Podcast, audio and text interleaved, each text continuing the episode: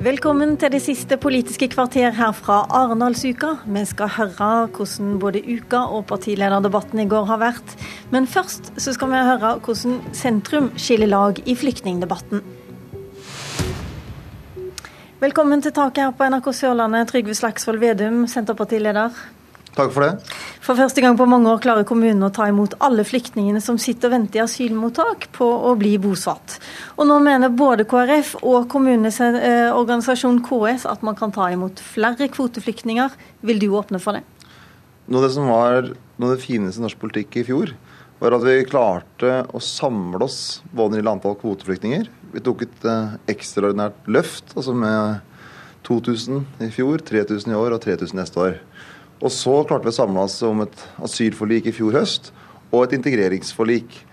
Og eh, min mening er Når vi begynner å se på tallene, eh, så ser vi at vi sliter ganske mye med integreringa av tidligere kvoteflyktninger. Spesielt når vi ser en eh, barnefattigdom, bl.a. for somaliske kvoteflyktninger, så er den kjempehøy, opp mot 74% ifølge SSB. Så vi har, gjorde et stort løft. Vi tar imot et høyere antall enn vi har gjort. Men så må vi gjøre jobben skikkelig. Og til nå har vi ikke lykkes med integreringa på mange av de kvoteflyktningene som har kommet. Og når vi nå har en, egentlig tre ganger så mange kvoteflyktninger som vi pleier, altså vanligvis er det rundt 1000, men nå er det rundt 3000, så må vi heller gjøre den jobben ordentlig og lykkes med det før vi går nye runder. Også hvis vi skal gå nye runder, så må det være bred enighet, så det er samling om det. Og jeg tror ikke det er en modenhet for det nå. Knut Arild Hareide, KrF-leder. Det har jo ikke akkurat vært bred enighet etter at du lanserte dette her i Arendal. Tenker ikke du på at de skal integreres og ha det bra, de som er kommet også? Jo, eh, men jeg tror det viktigste er likevel at vi er veldig bevisst at vi nå har den mest krevende flyktningsituasjonen i verden etter andre verdenskrig. Det er altså flere flyktninger enn noen gang etter andre verdenskrig. Og så hadde vi en brei enighet, men vi var òg la til grunn at det skulle komme 25 000 asylsøkere til Norge i 2016. Nå er det kommet litt over 1500. Det er altså veldig stor forskjell fra de litt over 1500 som er kommet, til de 25 000 vi hadde forventa. Og Det vil jo da si at vi nå har et mottaksapparat som står klart i en situasjon der nøden, der mennesket er på flukt og trenger hjelp, er altså større enn noen gang. Og Da mener jeg vi burde brukt den kapasiteten vi har. Og så hadde jo jeg håpet at vi kunne fått en brei enighet om det. Og jeg syns jo det er veldig bra at kommunene sier nå har vi et apparat som står klart. Vi forventer at det altså kommer betydelig færre asylsøkere enn det vi bare trodde da vi la eh, budsjettet. Og at vi da skulle bruke den kapasiteten til å hjelpe mennesker som er på flukt. Ikke minst når situasjonen dessverre er verre enn noen gang. Vi så jo senest i går bilde fra Aleppo i Syria. Eh, hvor krevende situasjonen er for mennesker. Da bør vi bruke den kapasiteten vi har. Men jeg lurer litt på, Hva er det som har skjedd med Senterpartiet når det gjelder flyktningsaker? Eh, Vedum? Fordi at Tidligere så var jo dere som regel enige om å åpne dørene og åpne hjerterommet litt mer for flyktningene. Nå virker det som om du har lagt deg på en annen linje. Det som er viktig å tenke på, er at vi skal lykkes med det vi gjør. Eh, og I fjor så var det en ekstraordinær situasjon. Uh, og vi, klarte, vi gjorde innstrammingstiltak sammen, og vi gjorde integreringstiltak sammen. Ja, og det, og det, og, og vi... som, du, nå har du tydeligvis sett uh, behovet for en litt strammere politikk? Altså, det har jo aldri vært et vedtak i Stortinget der vi tar imot så mange kvoteflyktninger som nå. Altså, husk også Normalen har vært 1000 kvoteflyktninger i året. Under Bondevik II eh, så var det 750 i snitt. Og så økte vi litt når vi satt i regjering. Og så ga man et felles løft i fjor der man sa opptil 3000 Eh, i år og neste år. Så det er et mye høyere tall enn man har vært vant til å gjøre. Og så ser vi at når vi også tok imot 750 og 1000, så lyktes vi ikke med å integrere. Vi har ikke lykkes med å få ned barnefattigdommen. Så vi har store utfordringer med de kvoteflyktningene som har allerede kommet, at mange av dem lever i fattigdom. Så vi har en stor jobb med å løfte den gruppa av den norske befolkninga. Og da når vi da skal ta imot 3000, så er den jobben enda større. Og Hvis vi ikke lykkes med integreringa, hvis vi lager en ny underklasse, så er det en oppskrift på langsiktige konflikter. Så det her handler ikke om å være god eller ond. Det handler om hvordan skal vi løse situasjonen på en best mulig måte, og hvordan skal vi ikke få en norsk underklasse. For det ser vi på tidligere kvoteflyktninger, at det er i ferd med å bli en norsk underklasse, og det er ikke bra.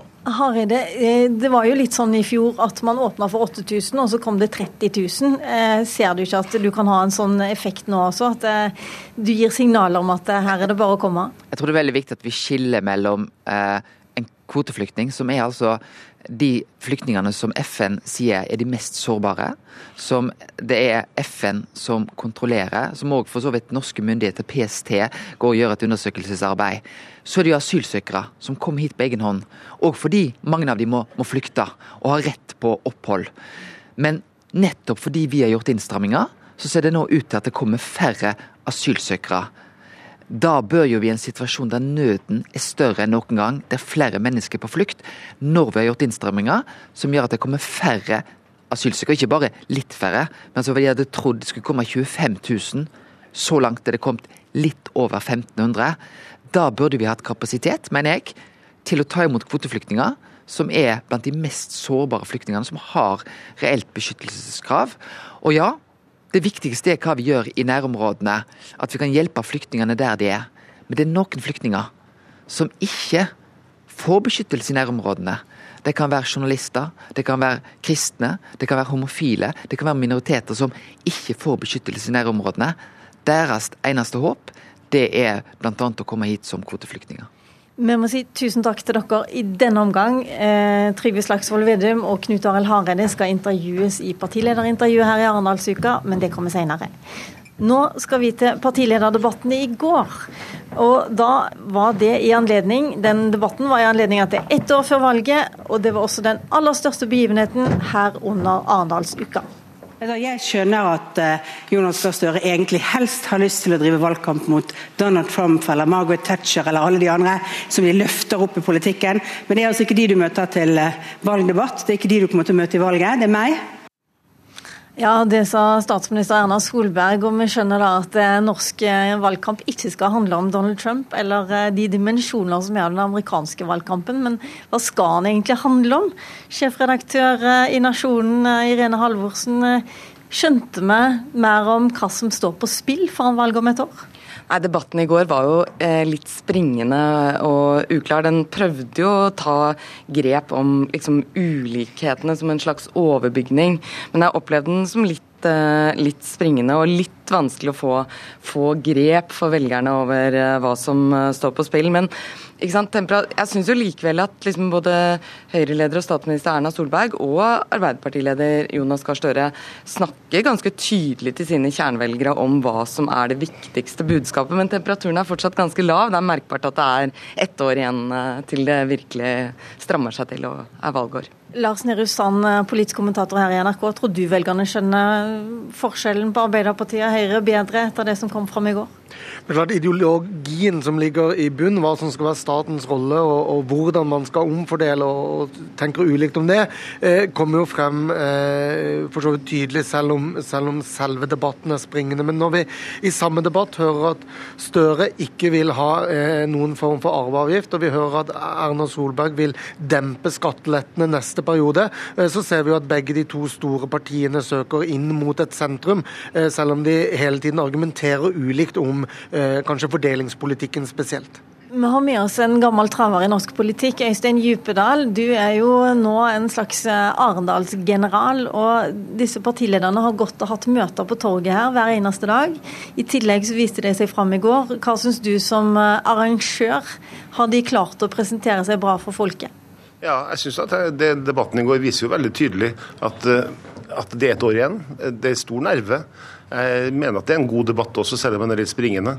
Jeg synes Den som helt åpenbart har gjort hjemmeleksa si best nå, syns jeg var Lysbakken og Støre, faktisk. Jeg syns de var veldig slagferdige, begge to. Og Nå snakker du om ditt gamle parti og ditt nye parti. Ja, men det var litt tilfeldig. For jeg synes, ja, men jeg, for jeg prøvde å analysere dette, så syns jeg Erna gjør en veldig solid og ordentlig Hun er veldig trygt anker for regjeringa og fremstår jo som en, som en statsminister. Eh, sånn at Totaliteten syns jeg det virker at de nå finner rollene sine mer. og Det var særlig kanskje Støre som fant rollen sin bedre i går enn vi har sett eh, før. Rendyrka et budskap på arbeid, på ulikhet. Det er klart det er ett år igjen, så vi kommer til å se dette budskapet tror jeg, enda mer foredla i de kommende debattene. Og jeg opplever vel at de har funnet et godt kort der som de har troverdighet på enig i det. Jeg syns også at det er interessant å se, fordi at vi var jo her i Arendal for, bare, for akkurat et år siden, og det var Jonas Gahr Støres ilddåp som partileder. Det var den første store debatten som han tok som eh, Arbeiderpartileder, og da var han tydelig nervøs. Eh, da satt jeg i salen, og da gikk beina hans eh, som en sånn eh, stempel eh, gjennom hele debatten. I går var det en helt annen Jonas Gahr Støre vi så, som tok rommet som Arbeiderpartileder. Men jeg har bare lyst til å si, når du først sier det med trygghet og rollen og sånn, så er det jo interessant at de har en hel times debatt som handler om utgiftssiden på budsjettet. Altså hvordan skal vi fordele pengene. Men absolutt ikke et ord om hvordan vi faktisk skal tjene pengene. Altså hvor vi lever, hvordan vi lever og hva vi lever av, må jo være eh, et stort spørsmål i, i, dagens situasjon der vi jo må inn i en grønn omstilling, og det snakket de ikke om i det hele tatt. Lars Nehru Sand, hvem syns du kom best fram med budskapet sitt?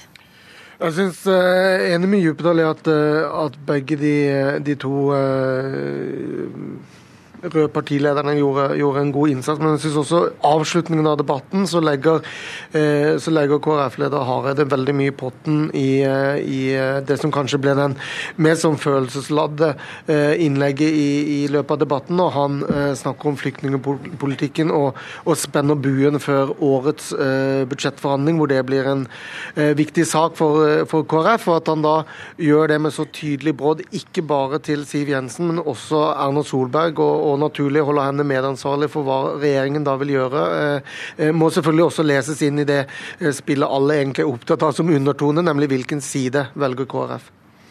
Djupedal? Ja, jeg er veldig enig i at Hareide gjorde en veldig god debatt. Han er veldig slagferdig. Han er alltid den morsomste i disse debattene.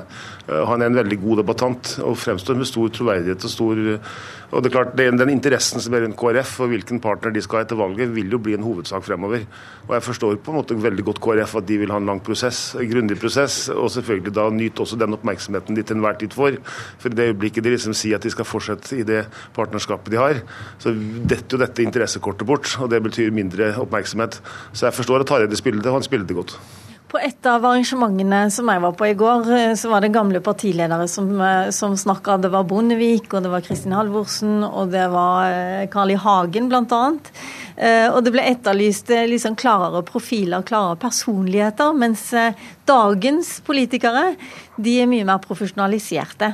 Er dere enig i det? Nei. Jeg syns jo det også er litt uh, søtt, fordi at det er jo akkurat det samme som Carl I. Hagen har sagt hele tiden. At han slutta i politikken, så kom han tilbake fordi han savnet seg selv. Og det er jo litt sånn uh, Altså, uh, det er jo noe med å akseptere at nye, nye, partiledere og nye politikere former sin egen rolle og er seg sjøl, og ikke er en kopi av en forgjenger. Det var, det var ikke partilederne sjøl som sa det, det var vel heller kommentator som sa det? Du var heller også uenig, Djupedal? Ja, Det der syns jeg er nesten patetisk. Altså, Vi har jo åtte partiledere i går, alle med sterke personligheter, sterke debattanter, gode representanter for sitt parti. Altså, eh, altså det er Bare de to som var før oss her, Slagsvold Vedum og Hareide, det er klart det er sterke personligheter i norsk politikk. Sterke debattanter, gode budskap. sånn at Hvis noen tillater seg å si at det var bedre før, så tar de feil. Vi har gode partiledere i dag. Da har vi slått fast det i dette panelet, i hvert fall. Men eh, Lars Nehru Sand, hva blir de store sakene? Blir det inntektssida eller utsikt, ut, eh, utgiftssida, eller hva skal bli eh, sakene? Det er en ny dynamikk i, i, skattedebatten, helt klart. Også fordi vi er veldig spente på hva slags nivå og begrunnelse Arbeiderpartiet har. Eh, og så er det klart at eh, miljøpolitikk, innvandring og arbeidsplasser blir eh, viktig.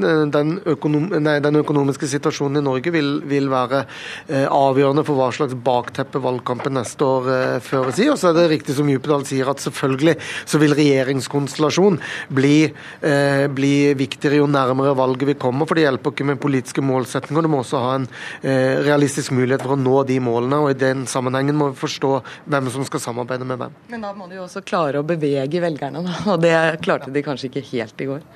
Den eh, lange valgkampen den har starta nå, eh, Øystein Djupedal. Men om ett år da skal du ønske velkommen igjen. Da er det ordentlig valgkamp? Ja, Neste år, Arendalsuka i år har jo vært et enestående suksess. Bare se ut her. Det har vært vær og det har aldri vært så mange mennesker og så mye engasjement. Men neste år er det stortingsvalgkamp. Da kommer pulsen til å være enda mer, intensiteten enda høyere. Og Det er en stor glede å ønske alle NRK også tilbake neste år. Du skal ikke se bort ifra at vi er tilbake neste år også fra Politisk kvarter. Akkurat nå så må jeg ønske hjertelig eh, takk for nå, og takk til dere i panelet. Vi fortsetter med partilederintervjuer som går direkte på TV og på nett. Og det kommer i Nyhetsettermiddag mellom 15 og 16 i dag.